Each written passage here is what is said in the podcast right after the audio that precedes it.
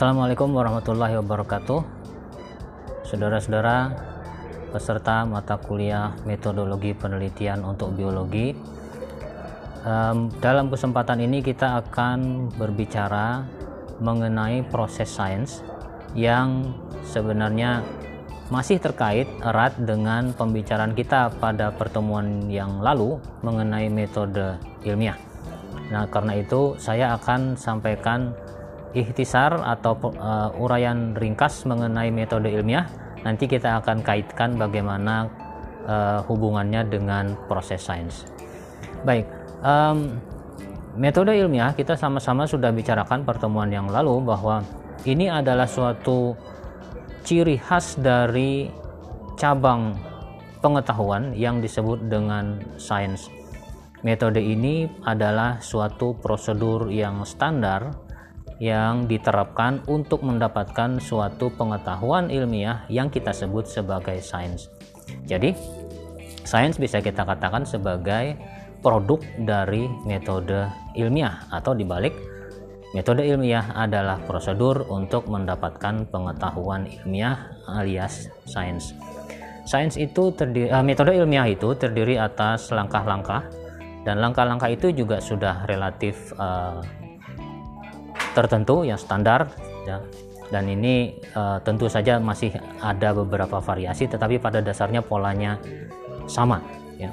Yaitu diawali dengan pengamatan kemudian dilanjutkan dengan adanya masalah kemudian uh, perumusan hipotesis pembuatan prediksi melakukan pengujian prediksi dan akhirnya penarikan kesimpulan.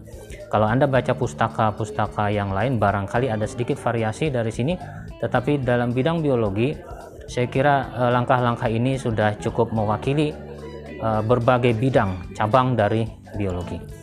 Baik, kita lihat bagaimana contohnya dalam kehidupan kita sehari-hari. Misalnya, kita awali dengan proses pengamatan. Ya. Suatu ketika kita memiliki sebuah uh, center dan ketika kita akan menggunakan center itu ternyata tidak menyala. Maka pengamatan kita berarti adalah center yang tidak menyala ya. Nah itu yang kita amati. Kemudian uh, hasil dari pengamatan itu menimbulkan sebuah pertanyaan bagi kita kenapa senternya itu tidak menyala? Nah itulah masalah yang kita hadapi di dalam uh, menyikapi pengamatan kita tadi pertanyaan berikutnya adalah nah, kita punya kira-kira ya lebih spesifik dari pertanyaan mengapa tetap ya kita sudah mengarah apakah baterainya mati itu yang menyebabkan senternya tidak menyala. Itu adalah uh, langkah lanjutan masih dalam rangka uh, penetapan masalah. Selanjutnya dari masalah itu lahirlah hipotesis yang pada dasarnya sebenarnya adalah uh, dugaan kita atau jawaban kita terhadap pertanyaan tadi. Ya, karena pertanyaannya apakah senter tidak menyala karena baterainya mati, maka jawabannya dugaan kita tentu harus dugaan yang masuk akal ya, bahwa senter tidak menyala karena baterainya mati. Lalu kita harus menguji hipotesis itu dengan suatu langkah yang disebut dengan prediksi. Prediksi itu ramalan. Ramalan itu mengindikasikan adanya suatu uh, tindakan yang kita lakukan. Lalu efek dari tindakan itu kita perkirakan apa? Ya, itulah prediksi. Ya. Dalam contoh ini, kalau benar bahwa senter itu tidak menyala karena baterainya mati, maka tindakan kita mengganti baterainya dengan yang baru hasil dari tindakan kita itu adalah senternya menyala. Akan menyala senter itu kalau baterainya diganti dengan yang baru. Itulah prediksi kita. Akan menyala. Maka kita uji apakah prediksi kita itu tadi benar. Kita ganti baterainya kita lihat apakah senternya menyala. Kalau ternyata senternya memang menyala berarti prediksi kita benar bahwa senter itu tidak menyala karena baterainya mati. Dan kalau itu sudah teruji prediksinya berarti hipotesisnya hipotesisnya juga bisa dikatakan benar. Jadi kalau terbukti ya kesimpulannya adalah senternya tidak menyala karena baterainya mati. Bagaimana kalau ternyata tidak terbukti? maka kita harus melakukan ya, hipotesis baru. Dugaan kita tadi baterainya mati kak, itu yang menyebabkan senternya tidak menyala. Kalau ternyata sudah diganti masih tidak menyala, berarti bukan baterai itu penyebabnya. Penyebab, penyebab lain apa? Mungkin saja. Itu karena um, bola lampunya yang sudah rusak atau penyebab yang lain lagi. Dan kita buat hipotesis yang baru ya.